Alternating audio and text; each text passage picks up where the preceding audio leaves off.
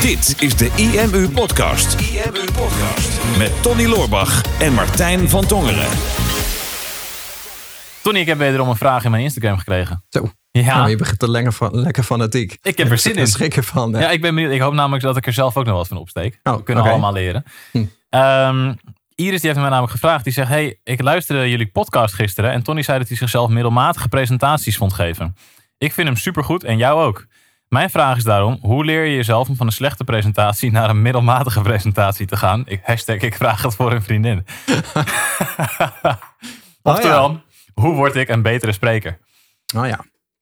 Ze wil leren hoe ze net zo goed wordt als ons. Ja, precies. Ja, ze wil bij ons in de leer. Ze wordt, Iris wordt onze pupil. Oh, die is wel echt heel slecht. Maar ook wel goed.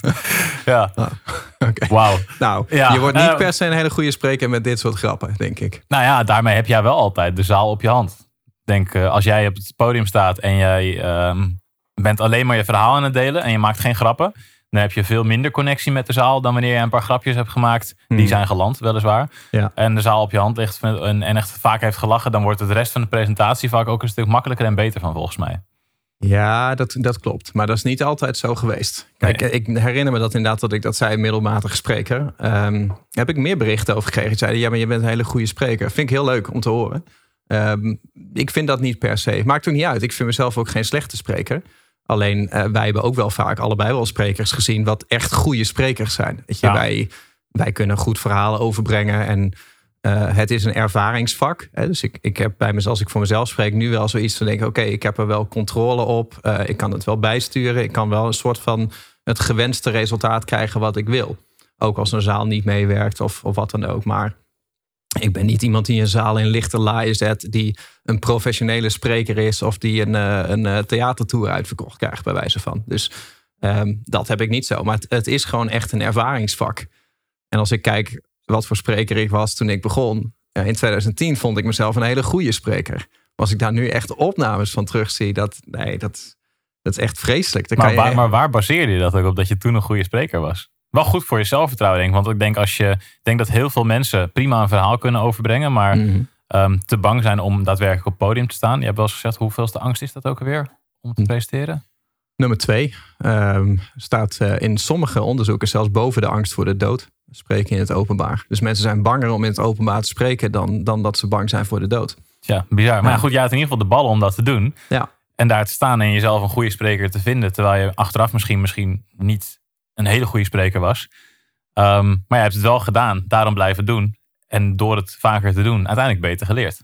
Want nu Ja, ben je maar- toch best wel een middelmatige spreker. Nou ja, kijk, wat ik wil zeggen, net als met zo- dat soort grappen bijvoorbeeld. ehm, het, het is niet per se een goede grap. En de meeste grappen die ik maak zijn niet per se hele goede grappen. Zeker als je ze op papier zou schrijven en, en je mailt ze rond aan mensen, dan lacht niemand daarom. Dus, dus ze zijn alleen maar grappig omdat het in een bepaalde timing valt. Hè? Of omdat, het, omdat mensen het ook verwachten. En ehm, ik doe dit nu zo lang en er zijn zo vaak mensen bij ons die vaker komen, dat ze op een gegeven moment weten van het is de bedoeling dat ik lach. En dan gaat dat makkelijker. Ik had dat bij het vorige IMU-event had ik dat. Ehm, elke spreker werd groots aangekondigd. En eh, met een filmpje en dan eh, applaus en dan was er geschreeuw. En de meeste sprekers kwamen dan tijdens het applaus dan oprennen. En dan als ze eenmaal zeg maar eh, daar vooraan op het podium waren... dan was de muziek afgelopen en dan stopte ook het applaus. Maar ik ren dus niet. Dus, dus toen ik opkwam, ik kwam dus oplopen. Maar het applaus stopte al, terwijl ik nog maar halverwege het podium was. Dus het eerste wat ik zei was ook van... je moet even wat langer klappen, want ik ben er nog niet. En toen begon iedereen meteen keihard te lachen. En toen dacht ik van ja, oké, eh, dit wordt een leuke sessie. Want ze lachen nu al. En dit, dit was helemaal niet grappig. Alleen, ik heb in het verleden ook wel gehad dat ik een grap maakte... maar dat eh, mensen er niet van uitgingen dat er een grap zou komen. En dan de eerste keren dat ik dat deed, maakte ik een grap. En dan was het echt doodse stilte. En dan ging ik maar snel door met iets anders. Maar dan, ik weet nu, dat, dat is een stukje ervaring van... ehm, als je daar niet meteen een punt van maakt...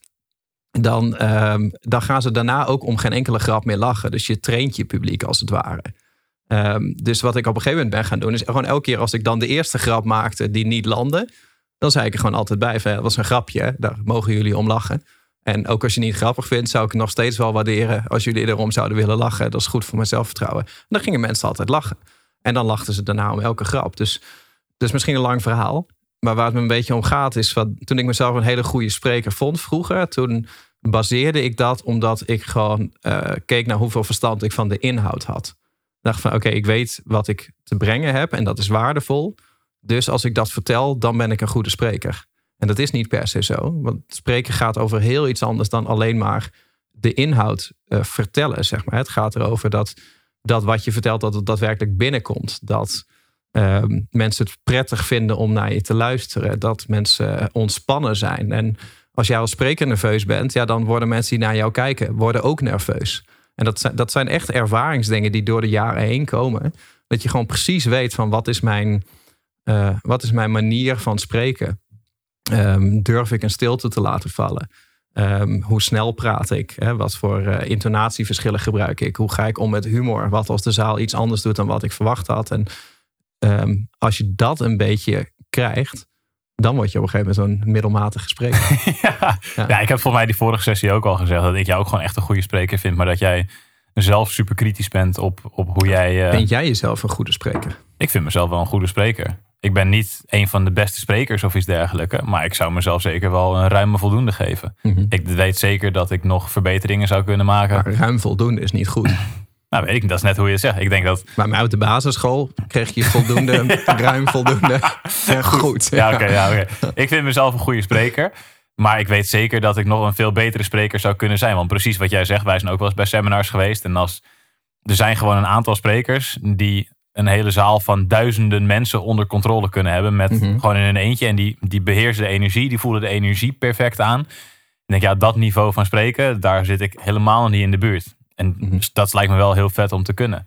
Maar het is ook niet zo dat ik mezelf een slechte of een beetje moi spreker vind. Want als ik kijk naar, um, als ik op het podium sta en als ik kijk hoe het publiek reageert en hoe blij het publiek is en ook de feedback die we krijgen, dan durf ik op basis daarvan wel te zeggen dat ik een goede spreker ben.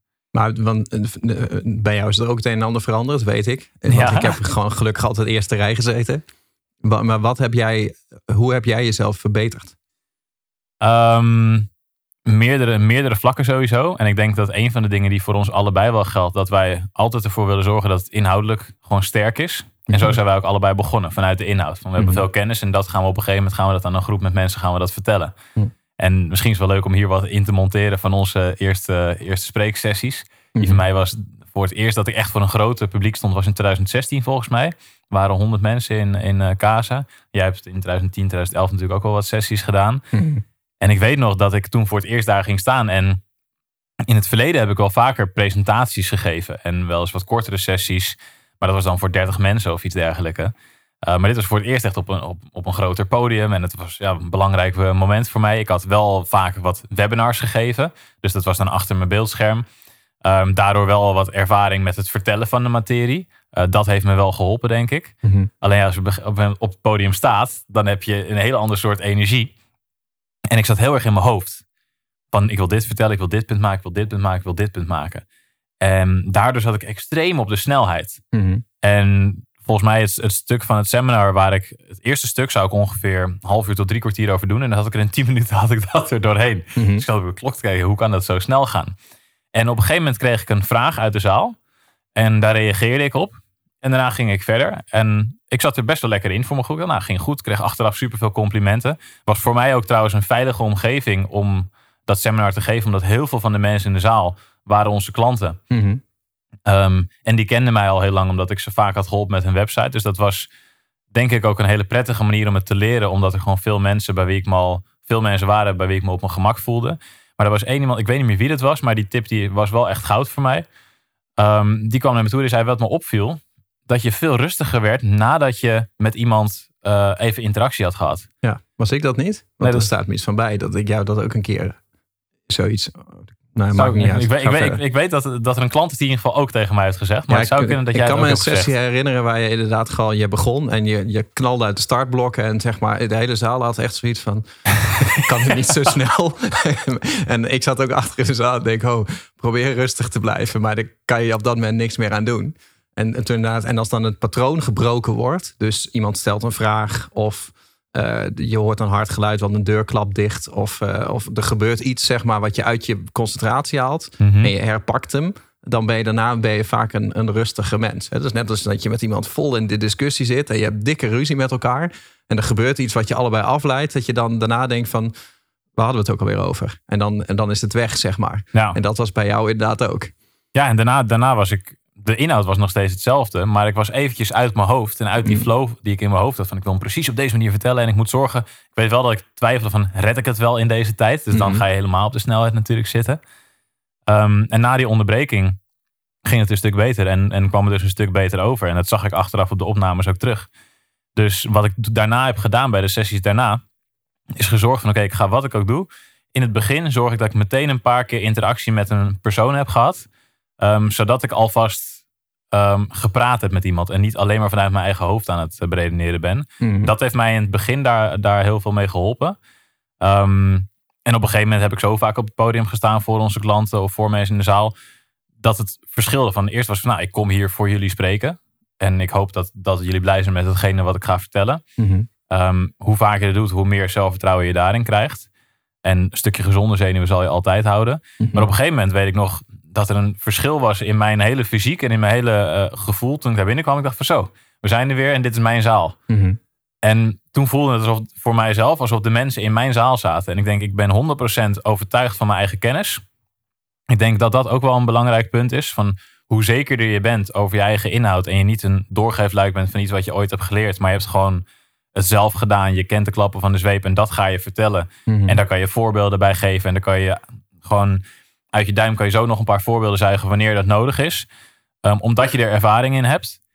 Dat je dan ook veel zekerder daar staat. En dat je dan automatisch ook beter gaat spreken. Dus op een gegeven moment van oké, dit is mijn zaal. En ik weet dat ik het hierover ga hebben. En ik weet zeker dat de mensen die hier zitten daar vet veel aan gaan hebben. En dat ze er blij van gaan worden. Ja. En dat was een hele andere energie dan waarmee ik er ervoor in ging. En ik denk dat ik vanaf dat moment ook veel beter ben gaan spreken. En er zijn nog steeds heel veel punten waar ik op kan verbeteren hoor. Want ik denk qua tempo zou ik vaker kunnen wisselen. Ehm, intonatie zou ik veel meer op kunnen letten. Want nu raak ik vaak de juiste snaar, denk ik. Maar ik ben daar minder bewust mee bezig dan dat jij dat bent bijvoorbeeld. Ehm, er zijn nog zoveel fronten waarop ik daar beter zou kunnen worden. Maar tot nu toe Mhm. heb ik wel eens nou, mensen zijn altijd blij. Dus dan ben ik ook blij. Dat is een beetje mijn, eh, mijn spiegel. Ja, maar, maar het gaat, weet je, wat je zegt, het gaat eigenlijk gewoon over twee dingen. Hè? Het gaat over intentie en over vertrouwen. En ehm, de intentie, ehm, je kan wel denken van oké, mijn, mijn intentie is om een goede presentatie neer te zetten, maar dat is heel ongedefinieerd. Want voor wie is het, is het goed? Hè? Is het voor jou goed of is het voor het publiek goed? En, en waar staaf je dat op? En eh, vertrouwen, ehm, dat, dat moet je toch uit, je, uit jezelf halen. En als je wat vaker voor de groep hebt gestaan of je bent één met je vak, dan, dan weet je van jezelf van oké, ik hoef niks voor te bereiden, want ik kan gewoon zijn. En, en als ik rustig ben, dan zit ik in mijn lijf en dan zit ik niet in mijn hoofd. En, en dat, dat is wat je als spreker moet hebben. Je moet niet in je kop zitten, want daar gaat het altijd fout. Je moet gewoon in je, in je lichaam zitten. En, en connectie hebben met de zaal. Want dan weet je wat er, wat er nodig is. Ga ik nu iets wat ik van plan was alsnog niet vertellen? Want ik heb het idee dat het helemaal niet binnenkomt. Ja. Ja, en wat je vaak ziet is, is als je minder ervaring hebt in spreken, is dat het eigenlijk aan die twee kanten fout gaat. Dus de intentie is niet per se, ik moet eh, de zaal een fijne ervaring geven, maar de intentie is vaak, ik wil mijn verhaal vertellen. Ehm, en eh, vaak nog een iets beter verhaal dan dat je eigenlijk zou vertellen als je het niet voorbereid had. Dus je ziet heel veel sprekers zich voorbereiden en dan, dan niet vertrouwen op zichzelf, maar toch angstig worden en denken: oké, ik ga het helemaal uitschrijven. En dan gaan ze die tekst uit hun hoofd leren. Want anders weet ik misschien niet wat ik moet zeggen. Terwijl, terwijl je die tekst aan het schrijven bent, ben je het ook aan aan het verzinnen. Dus het zat wel in je, anders kon je het niet opschrijven. Mhm. Maar als je iets uit je hoofd geleerd hebt en je gaat het onthouden, dan zit je dus altijd in je hoofd. En op het moment dat je dan een zinnetje vergeten bent, of je herinnert je ineens van: "Huh, ik ben een stuk vergeten te vertellen, dan is er paniek en dan is er stress. En dan, en dan, en dan blokkeer je. En dan ga je helemaal in je hoofd zitten. En dat is met de klok, is ook altijd zo'n vij, zo'n vijand. Is precies hetzelfde. Ik heb dat zo vaak gehad dat ik gewoon op een gegeven moment de klok zag. En dan dacht ik ineens van shit, eh, ik heb drie keer zo lang gedaan over het stuk wat ik nu verteld heb dan, dan wat ik had willen vertellen. Bij mij zit het gevaar namelijk altijd in het eerste kwartier. Ik ga spontaan iets vertellen in dat eerste kwartier wat ik helemaal niet van plan was. En dat, en dat is vaak goed, omdat ik gewoon reageer op de zaal. Maar dan soms schiet ik ineens in de stress. En dan denk ik van, oeh, ik heb nog een half uur. Maar ik heb nog voor een uur aan materiaal. En daar is ook weer de vraag van, ja, maar wat is je intentie? Wil jij dat uur aan materiaal per se vertellen, omdat jij dat nou eenmaal wilde vertellen? Want je publiek weet dat niet, wat jij wilde gaan vertellen. Of is je doel gewoon om het voor, voor het publiek een, een leuke tijd te maken. Dus daar zul je in moeten schakelen. En ik merkte van ja, dat, dat is een stukje ervaring. Ehm, maar ik heb het ook wel eens op het podium gehad dat gewoon als je onder stress komt te staan, dan ja, is een beetje technisch hoor, maar dan zeg maar de, de corpus callosum die je hebt, zeg maar die band die jouw linker en je rechter hersenhelft met elkaar verbindt, waar alle verbindingen in zitten, die blokkeert onder stress. En op het moment dat die blokkeert, dan schiet je eigenlijk terug in de hersenhelft die het, die dichtst bij jou ligt. Uh, en bij mij is dat mijn linker hersenhelft volgens mij. Al zeg ik het heel vaak precies verkeerd om. Dat is zeg maar het, het analytische. Um, en uh, bij mij zit daar bijvoorbeeld dat, dat kijken naar de klok. En dan schiet ik er zo in dat ik denk van oké, het enige wat nu nog telt is de tijd. En mijn presentatie, die moet af zijn voordat de tijd verstreken is. Dus dan ga ik jagen. Um, maar als ik ontspannen zou zijn, dan zou ik de klok of die presentatie los kunnen laten. En dan zou ik gewoon kunnen kijken van wat heeft deze zaal nodig om te gaan reageren. Um, en je kan, dat, je kan dat doorbreken simpelweg door te gaan bewegen. Dus ik had op een gegeven moment bijvoorbeeld een trucje voor mezelf dat ik gewoon wist van op het podium van um, als ik merk dat ik onder de stress kom te staan, dan ga ik lopen en dan ga ik me verplaatsen naar de rechterkant van het podium. Want daar is mijn rechter hersenhelft. En dat was volgens mij mijn ezelsbruggetje van als ik rechts sta, dan ben ik connected met de groep en dan ben ik creatief en dan ben ik vrij. En als ik links sta, dan mag ik lekker mijn autistische rammodus hebben, zeg maar. En ja, dit klinkt misschien allemaal als heel veel, maar dat, dat door de jaren heen ga je dat een beetje oppakken. Um, door jezelf heel erg uh, te analyseren. Wat echt een vreselijk vak is om jezelf terug te zien op film en op presentaties en gewoon te kijken hoe je het doet. Maar je ziet elke keer wel weer iets waarvan je weet van hé, hey, daar, daar kan ik de volgende keer kan ik daar iets anders mee doen. Ja, en vooral het, het bewegen is denk ik wel een belangrijk punt. Want normaal gesproken beweeg je ook. Alleen heel veel mensen die een presentatie geven, die staan enorm statisch voor de groep een presentatie te geven. En in principe, zodra het een presentatie is, of zodra het begint te voelen als een presentatie, dan zit je aan de verkeerde kant. Ja. Want je wil gewoon een vette ervaring geven, je wil een vette sessie geven. Dus door inderdaad te bewegen en, en daarin bezig te zijn, dan zien mensen ook vaak dat je meer op je gemak bent. Mhm. Als jij gewoon relaxed van links naar rechts kan lopen en dan daar even staan en die kant van de zaal kan aanspreken, teruglopen, die kant van de zaal aanspreken, dan weten we, mm ik zit hier best wel goed op mijn plek. En ik weet nog, um, nog wel van, van andere presentaties die ik vroeger heb gevolgd. Of als ik überhaupt, als ik nadenk over wat voor sessies vind ik nou het saaist om naar te kijken. Dat zijn de sessies waar geen ziel in zit. van mij? Nee, van jou, ja. Die, die inhoud die ken ik al. Nee, zelfs dat kan ik nog steeds naar luisteren. Na tien jaar nog steeds. Omdat, omdat je het gewoon, gewoon goed kan overbrengen en omdat de rust erin ja, zit. En omdat je er niet tussen komt. Dus dan moet je wel luisteren. Ja, oké, maar dan heb je het hier in de podcast. Geen ademhaling. Ja. Eén ademhaling. Ja. Um, waar was ik? Daar ga je, hè? Ja, ja patroon onderbreken. Patroon onderbreken. Nou nu weet ga ik je in je lijf. Nu ga ik in mijn lijf. Ja. De sessies waar ik, uh, waar ik het minst blij van word, en ik denk dat dat voor heel veel mensen geldt, dat zijn de, mensen, dat zijn de sessies waar geen ziel in zit. Waarbij je merkt dat iemand het te erg heeft voorbereid. Um, de sessies waarbij iemand zijn punten op een slide heeft gezet. En met extra uitleg op de slide. Waarbij hij voor de zekerheid het nog even kan nalezen. Mhm. Dat, dat zijn de ergste sessies, omdat je gewoon. Je kan er niet echt in zitten. Want wat ga je doen? Als er tekst staat, dan ga je die tekst lezen. Dus je gaat niet meer luisteren naar het verhaal. Je gaat niet meer kijken naar die persoon.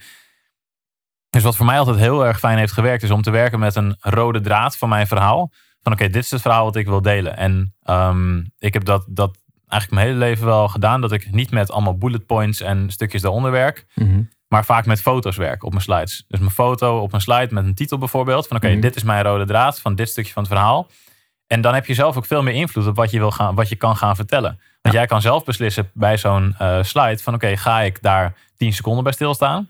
Of ga ik daar misschien een verhaal van 10 minuten bij vertellen? Klopt. En Ja. dan kan je veel meer kijken ook met de klok van oké, ik heb nog zoveel tijd. Nou, dan kan ik ehm, dit stukje kan ik wel wat korter maken. Dat stukje kan ik wel wat langer maken. Ik ga deze ga ik even overslaan, want voor deze zaal is op dit moment dit stuk van het verhaal het allerbelangrijkste. En heb je, geef je jezelf eigenlijk veel meer vrijheid dan wanneer jij je slides volkwakt met allemaal teksten. Mhm. En denk je, ja shit, nou moet ik wel al die teksten gaan vertellen. Dus als je dan in tijdnood komt, dan is het, nou oké, dit staat hier. En dan ga je, ga je het voorlezen. En dan is iedereen afgehaakt. Klopt. Maar je kan Ja. beter één punt heel goed maken dan tien punten, maar een klein beetje.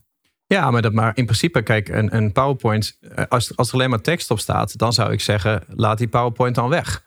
Want eh, ik denk namelijk dat je een veel sterker kan verhaal kan, kan vertellen als mensen niet de hele tijd naar een slide zitten te staren en dat aan het overschrijven zijn, maar dat ze gewoon echt jouw verhaal horen. En dan, ehm, als je het verhaal ter plekke verzint en je reageert op de blikken uit, uit de zaal, dan kan je daar veel meer mee.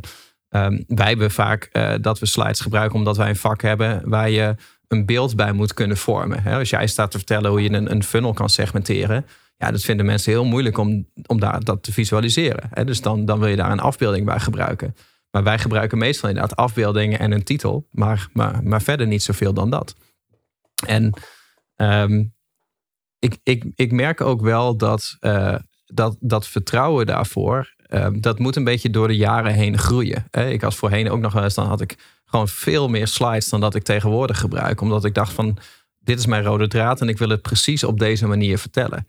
Um, en daar zit een bepaalde angst onder. Hè? Dan kijk je daarna en dan zit je te kijken: oké, ik heb 200 slides, ik heb een half uur spreektijd. Dat gaat hem niet worden. dan moet ik, ga ik er heel snel doorheen. En ik heb dat zo vaak gehad dat, dat, dat ik dan echt zat te kijken en denk: ja, ga ik dit weglaten?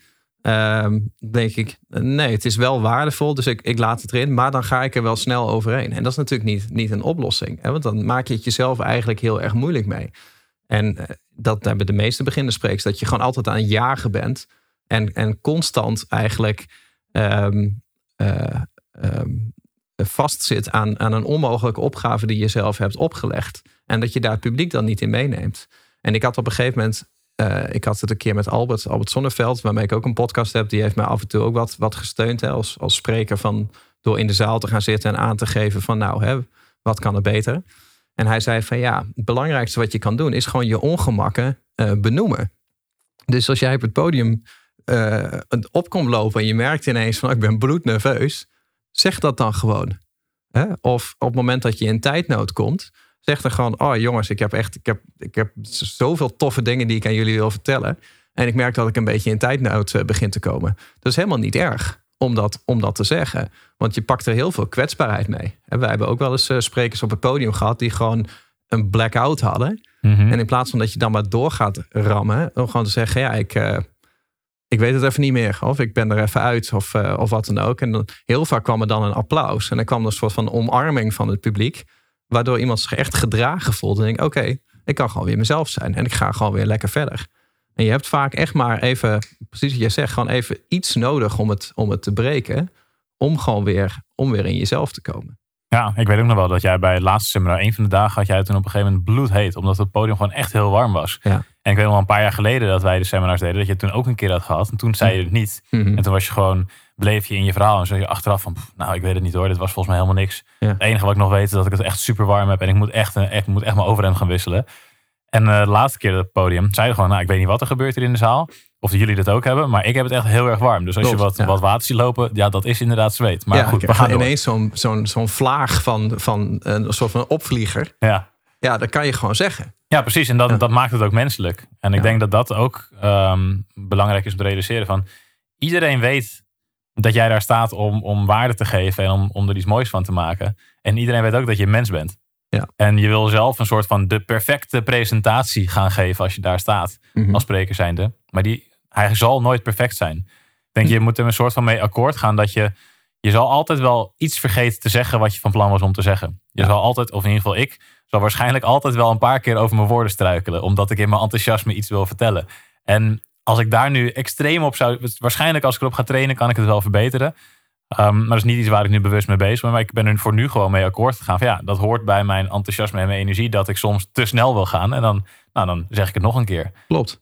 Ja, maar dat is ook, kijk, het is ook een mooi voorbeeld. Want ehm, hier wilde ik net op ingaan. Alleen jij was wat langer aan het woord. Dus op een gegeven moment zat ik alweer op een ander spoor. En dan begon ik dan net te praten. En dat ik niet wist welk punt ik wilde maken. En ik denk, oké, dan zit ik even vast. Maar dat, dat geeft niet. Want nu kan ik het punt alsnog maken.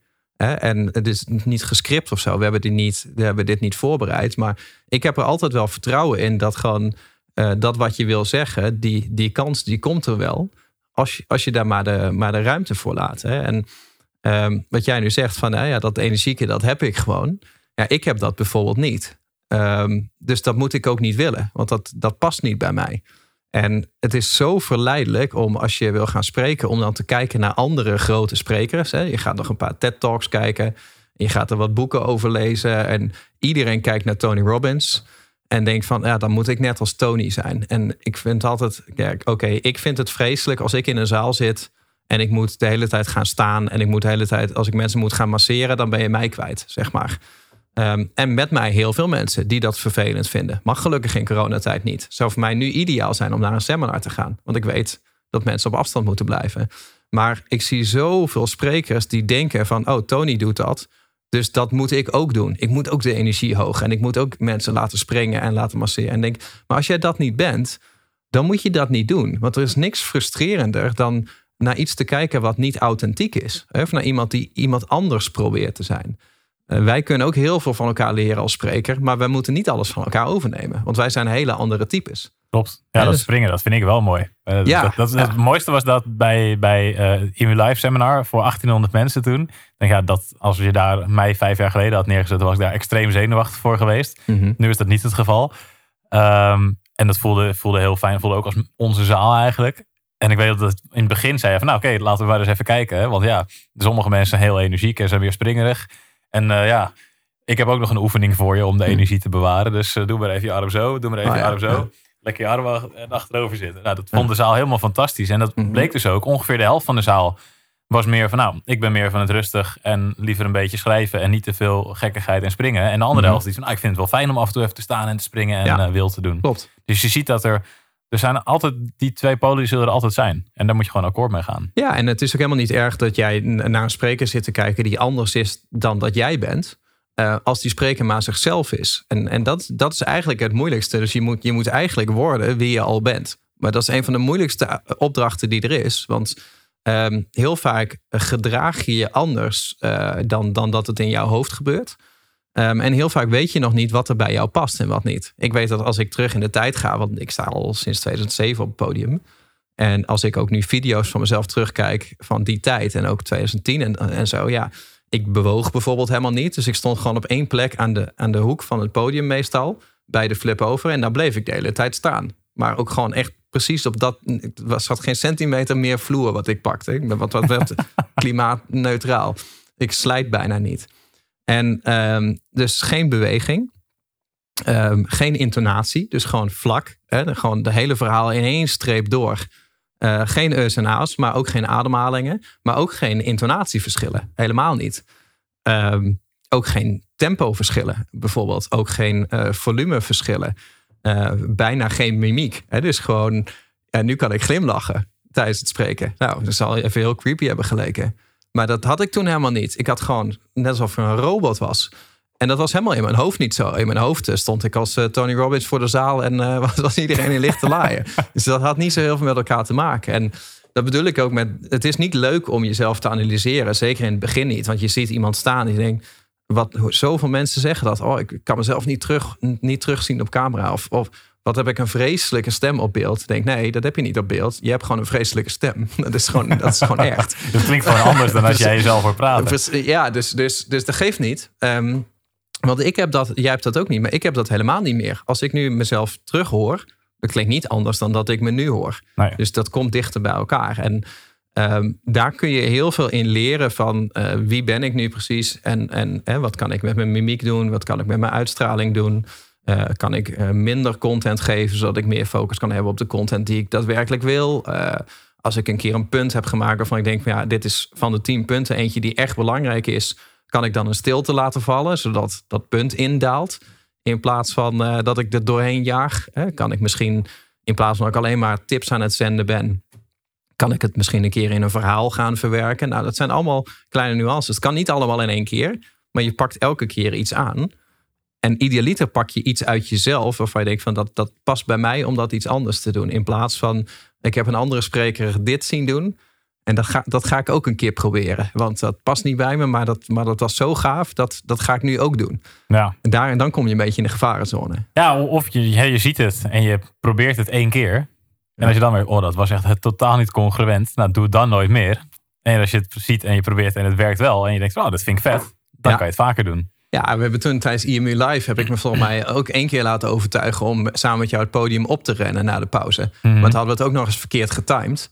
Want mensen waren nog een beetje in gesprek. En eigenlijk moest zeg maar de muziek heel hard aangaan. Zodat iedereen zou stoppen met praten. Oh ja, klopt. Ja, en toen was de muziek ging niet aan. En, dan, en als de muziek uitgaat, dan zouden wij opkomen redden. Dan, dan heb je de focus al. Maar die muziek die ging niet aan. Maar jij had gewoon, je had je plan van ik ga rennen. en, ik had, en ik had net toegezegd, maar ik wilde helemaal niet rennen. Maar jij was al onderweg. Dus ik dacht, ja, als ik nu niet ga, dan sta jij straks alleen op een podium. Voor allemaal mensen die, die nog met elkaar zitten te praten. Dus daar ging ik ook maar mee. Maar toen voelde ik ook aan mezelf van ja, dit moet ik niet doen. Ik moet niet een, een podium opkomen rennen. En dus ja, je kan het inderdaad een keer proberen. Daar is niks mis mee. Maar idealiter blijf je gewoon heel, heel dicht bij jezelf. Ja, en stel, hè, ik, ik had net een tien minuten geleden, dacht ik van, nou, ik wil nog een leuke tip die ik nog kan geven. Stel dat dit nou een presentatie was geweest, een sessie. We zitten nu precies op een half uur. Hm. Ja, dan zou ik, en je stel je hebt een half uur voor je sessie, dan kan je zeggen, nou oké, ik stop nu. Ja. Nu hebben wij de rijkdom dat dit onze eigen oh, podcast dus is. zijn we al zo lang bezig. Ja, we zijn al zo lang bezig. Dat we zelf kunnen beslissen van nou, we gaan er nog een paar minuten bij opplakken of niet. En bij deze ga ik dat dan toch doen. Ja. Maar stel dat dit dus een sessie was geweest, had ik hem achterwege gelaten. eh, als ik te strak op de tijd heb moeten zitten. Mhm. Want één ding wat, ehm, wat wij nog wel hebben geleerd en hebben toegevoegd aan onze seminars van de afgelopen jaren, is dat wij de sessies korter hebben gemaakt. Dus eerst was het vaak zo dat wij allebei een sessie van twee uur hadden. Of Mhm. meerdere sessies van twee uur. Of een sessie duurde dan, was dan ingepland op anderhalf uur, maar in de praktijk duurde die meestal twee uur. Ja. En dat zijn we een beetje gaan inkorten naar sessies tot nu toe van maximaal drie kwartier. Eh, en soms zelfs een sessie van een half uur. Mhm. En dat dwingt je om je sessie concreter te maken. Dus in plaats van een cursus van A tot Z te willen geven over een bepaald onderwerp, was nu eigenlijk de boodschap naar onszelf, maar ook naar andere sprekers voor het seminar. Van oké, eh, kies één boodschap die je wil vertellen Mhm. en zorg dat je daar je verhaal omheen vertelt. Ja. Het is niet zomaar dat de TED Talks altijd 18 minuten mogen zijn. Mhm. En dat, die bestaan ook uit maximum drie verschillende boodschappen. En dan heb je zes minuten per boodschap die je wil gaan vertellen. Ja. En hoe, hoe korter de tijd je hebt, hoe concreter je je boodschap moet gaan vertellen. En hoe logischer het ook- wordt eigenlijk om na te denken over... oké, wat moeten mensen nou echt meenemen uit deze sessie? Want in plaats van een hele cursus van A tot Z te vertellen... van oké, ik wil dat ze al, dit allemaal onthouden... dat gebeurt niet. Mensen onthouden niet alles. Nee, Dus dan is het be- belangrijker om te kijken naar wat is nou de, het nummer één eh, ding wat ik wil overbrengen aan mensen? Wat is het belangrijkste voorbeeld? Wat is de belangrijkste boodschap? Mhm. Op, met welke ehm, gedachtegang wil ik ze de zaal uitsturen? Wat voor actiepunt wil ik ze meegeven? En daar bouw je dan je sessie omheen. En dat heeft bij onze laatste twee seminars voor mij in ieder geval wel heel veel geholpen om een verhaal concreter te maken. Om rustiger op het podium te staan en om de boodschap ook veel beter over te brengen dan toen ik eigenlijk een heel boekwerk aan informatie wilde overbrengen. Ja, maar dat, dat is eigenlijk gewoon een stukje intentie. Hè? Van wil je, eh, is de sessie bedoeld zodat jij alles kan vertellen wat je weet? Of is de sessie bedoeld dat mensen er iets van onthouden en, en aan de slag gaan? En dat, zijn, dan, dat is een hele wezenlijk andere presentatie. Ja. Want mensen onthouden meestal alleen maar het eerste en het laatste wat je hebt gezegd. En alles daartussenin niet. Eh, tenzij, en dit globale uitzonderingen daar gelaten. Tenzij je datgene wat ertussenin zat een emotie hebt kunnen geven. Bijvoorbeeld door het in een verhaal te vertellen. Of door het eh, in de vorm van een oefening of een interactie of een, of een case study te doen. Maar als jij gewoon eh, je 20 slides hebt en je bent gewoon 20 tips aan het afvuren. Reken er maar op dat mensen dan een half uur na de sessie niet meer die 20 tips weten. Zeker niet als ze niet in hun aantekeningen mogen kijken. En daar, daar zit het denk ik een beetje. Dus ehm, om het concreet te maken, als je nou beter wil leren spreken, blijf een beetje weg van ehm, het beter willen maken dan dat je op autopilot kan. Dus ga, ga het niet uitschrijven. Ga niet veel te veel slides voor jezelf maken. Ga niet eh, een andere spreker imiteren. Eh, of zeg maar iets neerzetten wat jij niet bent. Hè. Doe het gewoon op het niveau waar je nu op zit. Ehm, en probeer gewoon iets van vertrouwen te vinden. Zodat als je aan het spreken bent. bedoel, Dat kan voor een groep zijn. Eh, je kan een keer op een webinar gaan- testen. Je kan een keer voor de camera gaan testen. Ik bedoel, je hoeft het niet online te zetten. Je kan de opname ook weggooien. Ehm, dus dat je gewoon gaat zoeken in die verschillende vormen. Van waar kan ik het vertrouwen vinden. Ehm, dat mensen het leuk vinden wat ik, eh, wat ik heb. En het trucje wat jij had. Van ja, doe gewoon direct in het begin even contact zoeken met mensen. Dat, dat zou bijvoorbeeld iets kunnen zijn. En zo kan je altijd wel een paar punten in je sessie inbouwen. Van je weet van dit is even voor mij een eikpunt. Dat ik even stop met razen. Ehm, en dat ik gewoon even voel hoe het gaat. En dat je dat, dat gevoel even, eh, even opslaat. En ik denk dan kom je een heel eind. Maar het kan zijn dat je er op een gegeven moment al 13 jaar op het podium staat. En dat je jezelf nog steeds een middelmatige spreker vindt. Ik ken iemand die dat heeft. ja, dat is de, ik de vraag- criticus in jezelf. een vriend. Ehm, En dat je inderdaad gewoon eigenlijk altijd ontevreden bent. Maar dat, dat geeft niet. Ik, uh, ik, ik heb dat en ik weet dat. Ik laat me daar ook niet door leiden. Ik weet dat dat gewoon een bron van, van verbetering is. Um, zolang het je maar niet consumeert. Hè, zolang je er maar niet aan onderdoor gaat. Ja, en je, of je het wel wil blijven doen. Kijk, is het jouw doel in het leven om de allerbeste spreker alle tijden te worden? Nee. Of wil jij gewoon lekker goed zijn in je vak en dingen doen die je leuk vindt en het af en toe overbrengen? Dat hoort daar natuurlijk ook bij. En ik merk dat ik heel erg zenuwachtig ben, omdat je net hebt gezegd: ja, mensen onthouden het eerste wat je hebt gezegd. Ik denk, wat zei ik ook weer het eerst? En ik voel ook aan dat, dit het, laatste is wat wij gaan zeggen in deze podcast. Dus ja, dat wat ertussen zat, dat maakt allemaal niet helemaal niet meer wat je als eerste hebt gezegd. Maar ik heb gewoon helemaal niet zitten luisteren. Nee, volgens mij begon ik met de vraag. Maar ik denk, ja, wat, nu, moet, nu ga ik hem waarschijnlijk afronden. Dat voel ik aankomen. Dus gaan mensen dit weer onthouden. Dus, kortom. Stress. Ja, ja heel veel stress. Um, herken jij je in dat je het moeilijk vindt om een betere spreker te worden? Herken je erin dat je het lastig vindt om dat te verbeteren? Heb je angst om te spreken? Laat het even weten in de reacties onder deze video hoe jij er naar tegenaan kijkt. Of jij misschien nog tips hebt voor mensen um, die het lastig vinden om te spreken, om een betere spreker te kunnen worden. Uh, laat natuurlijk even een duimpje achter om te laten weten dat je het een leuke video vond. Abonneer je op ons YouTube kanaal. En als je deze aflevering luistert op de podcast, zorg dat je ons even abonneert op de podcast. En natuurlijk een review achterlaat. Podcast. Super tof dat je hebt geluisterd naar de IMU podcast. Ik hoop dat je dit waardevol vond en dat je er inzichten uit hebt kunnen halen voor jezelf en voor je eigen business. Vond je dit nou een waardevolle podcast, dan zouden Tony en ik het heel erg waarderen als je dat zou willen delen. Enerzijds door dat bijvoorbeeld te delen via je eigen Instagram of via LinkedIn. Door een screenshot te maken van je telefoonscherm en ons daar even in te taggen. Maar wat we nog meer zouden waarderen is als je de tijd en moeite zou willen nemen om een review achter te laten. Werk je met een Apple-telefoon, dan kan je dat doen binnen je eigen podcast-app door daar een review te geven. Geef ons een x aantal sterren met daarbij een korte motivatie wat je van onze podcast vindt. Zouden we echt enorm waarderen als je die tijd zou willen nemen.